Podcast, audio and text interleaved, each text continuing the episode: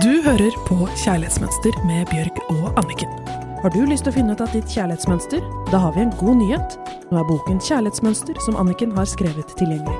Full av nyttig informasjon som kan hjelpe deg å få akkurat det kjærlighetslivet du ønsker deg. Kjøper du nå, sparer du 50 kroner og får boken signert og tilsendt hjem.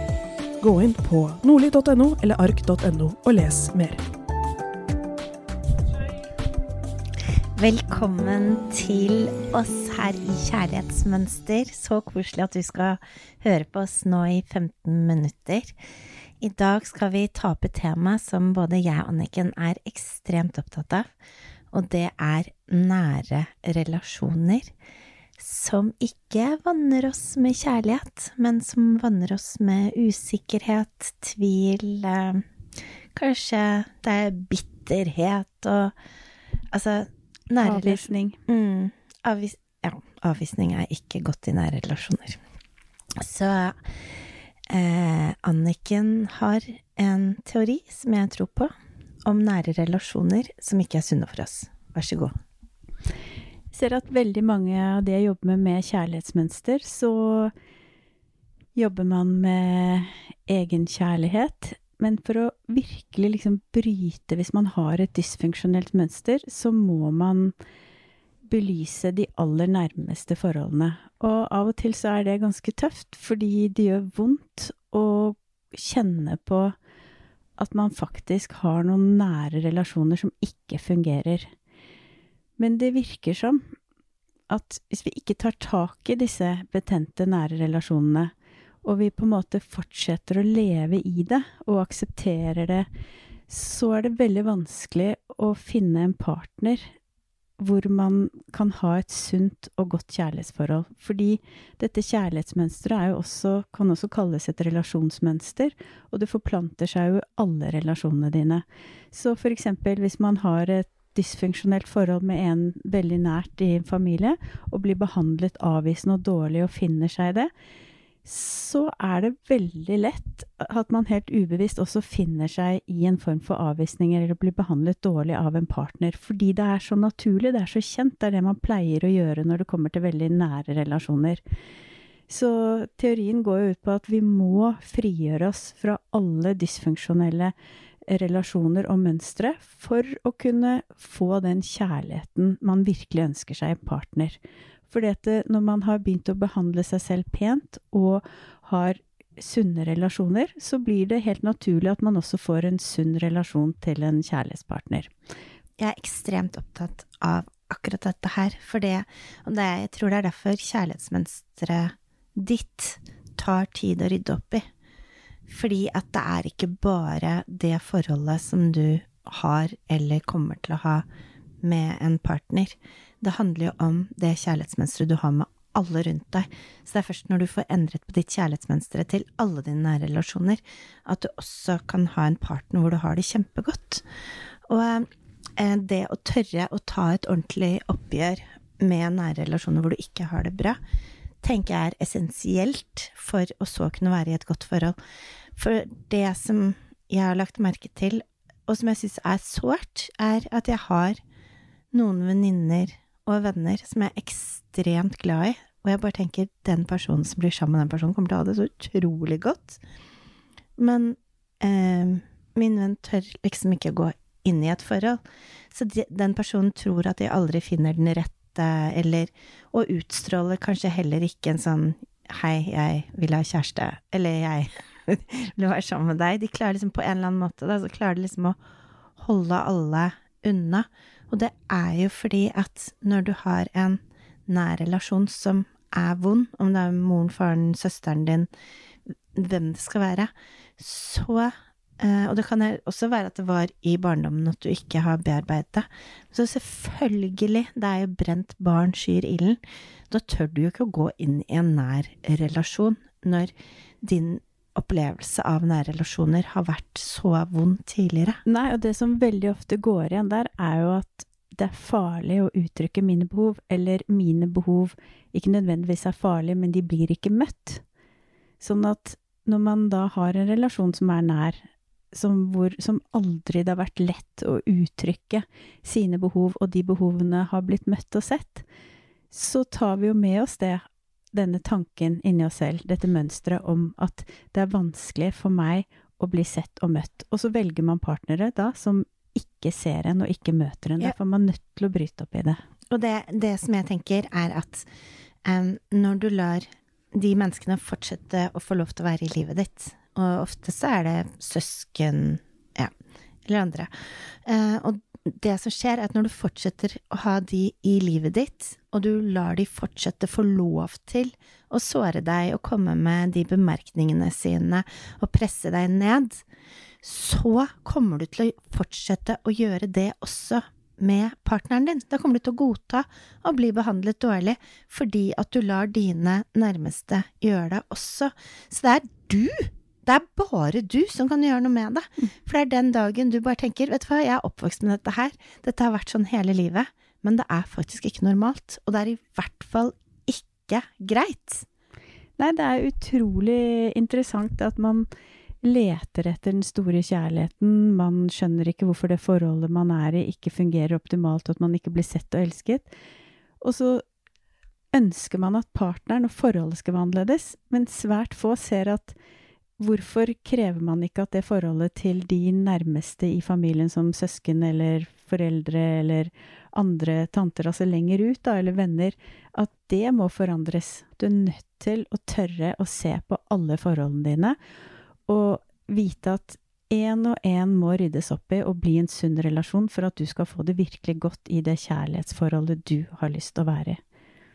Hvordan er det mm, du tenker at det er best å på en måte få en oversikt over hvilke relasjoner man har, og hvilke relasjoner som er usunne? Da vil jeg si det som eh, den setningen som jeg liker veldig godt på engelsk, som heter If it hurts, it isn't love.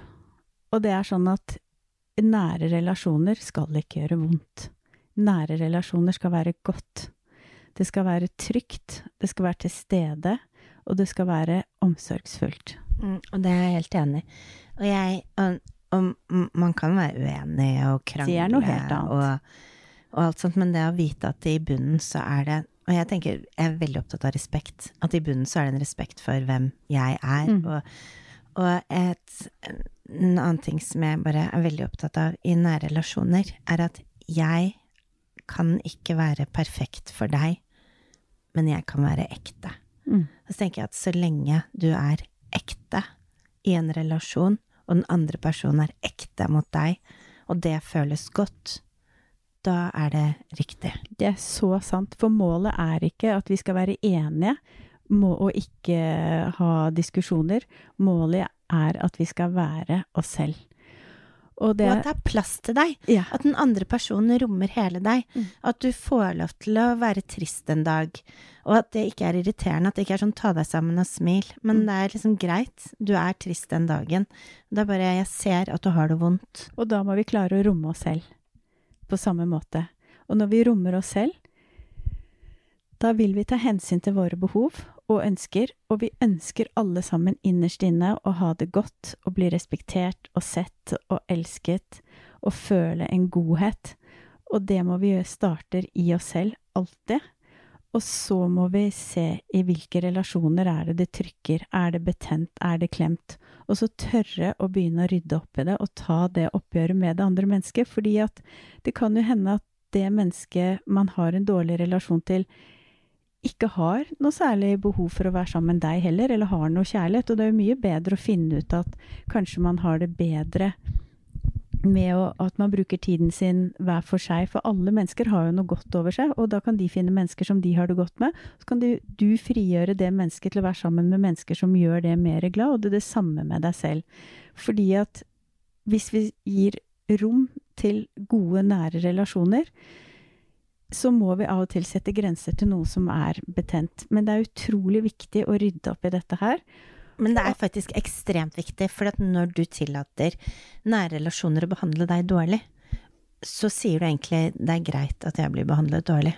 Og da kommer du også til å finne relasjoner, eller altså kjæreste, Mm. hvor du tillater at du blir behandlet dårlig. At du, at du tror at det er normalt å bli lei seg og bli behandla dårlig. Og det er så sant, og det ser jeg igjen og igjen med klienter som jeg jobber med. det er den trosetningen, altså det mønsteret som man Den gamle programmeringen, da, som man tror på, fordi det alltid har vært sånn i sin nærmeste familie og nærmeste relasjoner, så tror vi at det er sant. Men da må vi huske på at det er vårt begrensede kart av virkeligheten. Det er en subjektiv sannhet, fordi at hvis man hadde vokst opp under andre omstendigheter, og hvis man ser på noen andre mennesker, så ser ikke de det ut fra den begrensede måten at det å være i nær relasjon betyr at man skal bli såret eller ha det vondt. Men også er det helt vilt, for vi velger ikke vår familie. Så du kunne havna hvor som helst. Så hvis du bare tenker tilbake til din egen barndom og alle de forskjellige familiene som bodde rundt der hvor du bodde, så bare tenk deg, du kunne ha vært barn i hvilken som helst av de andre familiene i nabolaget ditt. Så hvis du bare faktisk tenker på noen spesifikke familier, så tenker du hvordan hadde det vært å ha den og den til far og mor, hvordan hadde det vært å ha den og den til far og mor, og det er faktisk en ganske fin øvelse, for da blir du klar over at den du fikk til far og mor, er faktisk eh, helt tilfeldig, egentlig. Du kan ikke velge dine egne foreldre, men du velger hvordan du har det. Og derfor så må vi frigjøre oss fra dette og skape det vi vil selv. Fordi det er faktisk helt riktig det du sier, sånn at hvis du har den troen av at mine behov er ikke viktige, eller hvis jeg uttrykker de, så blir det problematisk for meg. Da får jeg faktisk negativ feedback. Kontra at du vokser opp i et hjem der du får høre hver dag at så fint at du sier ifra, så bra at du uttrykker dine behov. Jeg er så glad for at du sier hva du trenger, for det gjør det lettere å kunne møte deg. Tenk deg hva de to opplevelsene som et lite barn gjør med deg. Og det er jo da selvfølgelig at denne programmeringen gjør jo at du velger da enten en partner, hvis du har vært den som fått høre så fint at du sier fra behovene dine, jeg har veldig lyst til å møte deg, så treffer du en partner som gjør det. Og hvis du har vokst opp med å ikke bli møtt og ikke bli sett Ta deg sammen! Ta deg sammen! Ja, så velger du en partner som ikke ser deg. Så igjen, som vi sier i hver episode, dette ansvaret er vårt. Og det er tøft, men jeg jobber med kvinner alt fra 20 til 70 år, og i alle disse aldersgruppene så tør de å ta dette oppgjøret og se på disse nære relasjonene for å få det godt. Og jeg heier på dere. Jeg syns det er så tøft, og både Bjørg og jeg har vært gjennom den reisen selv og gjort det samme. Men det er verdt det, fordi at det man har blitt opplært til, og det som har vært normalt i gåstegn, er ikke nødvendigvis det. Husk på at kartet ditt av virkeligheten, det kan utvides. Du trenger ikke å leve begrenset. Du kan leve og utvide det og være åpen for nye muligheter. Nye muligheter der det er godt å være i alle relasjoner. Så mm, jeg tenker at uh, ukens oppgave um, det kan være en oppgave som du ga til meg en gang, Anniken, hvor uh, du skriver uh, fem navn på de som du vil ha i din innerste kjerne, og du kjenner virkelig etter at det er de som virkelig får deg til å blomstre, de som tror på deg, de som heier på deg. Fem navn på de, og så bare takke for at du har de menneskene i livet ditt. Og så tar du en sirkel utapå der, hvor du skriver de som er utenfor der, um, som ikke er de aller nærmeste, men kanskje bekjente, eller som du kanskje skal bruke litt mindre tid på. Og så utafor der igjen så skriver du de som ikke er bra for deg. Og jeg skal love deg at Og det vil si ikke bra, så mener vi at man blir såret og trist og avvist. Ja, og som gjør at uh, du føler deg mindre verdt når du har vært sammen med de. Mm. Og du går derfra og er kanskje lei deg og føler deg mindre verdt. Mm. Eller um, at når du kommer og forteller om en idé du har, eller en drøm du har, at de ikke tror på deg. Mm. Eh, og, så, og, så, hva skal de gjøre med denne listen, Anniken? I første omgang så tenker jeg det er bare å bli bevisst. Fordi at det veldig ofte så tenker vi ikke på det, og så er vi sammen noen og er glad, og noen og blir såret og lei oss og tråkket på. Og bare det å begynne å bli bevisst det, er utrolig viktig. Og så begynne å tenke hva er det som gjør at jeg har det godt sammen med de jeg har det godt med, og hva er det som gjør at jeg har det vondt og vanskelig sammen med de? Og begynne å se på forskjellen.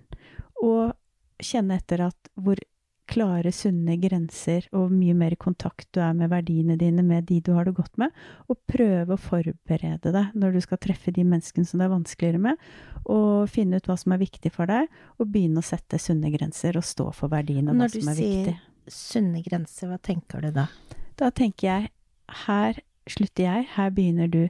Dette vil jeg, dette vil ikke jeg. Dette har jeg behov for, dette har jeg ikke behov for. Dette aksepterer jeg, dette aksepterer jeg ikke. Dette kan jeg være med på, dette kan jeg ikke være med på.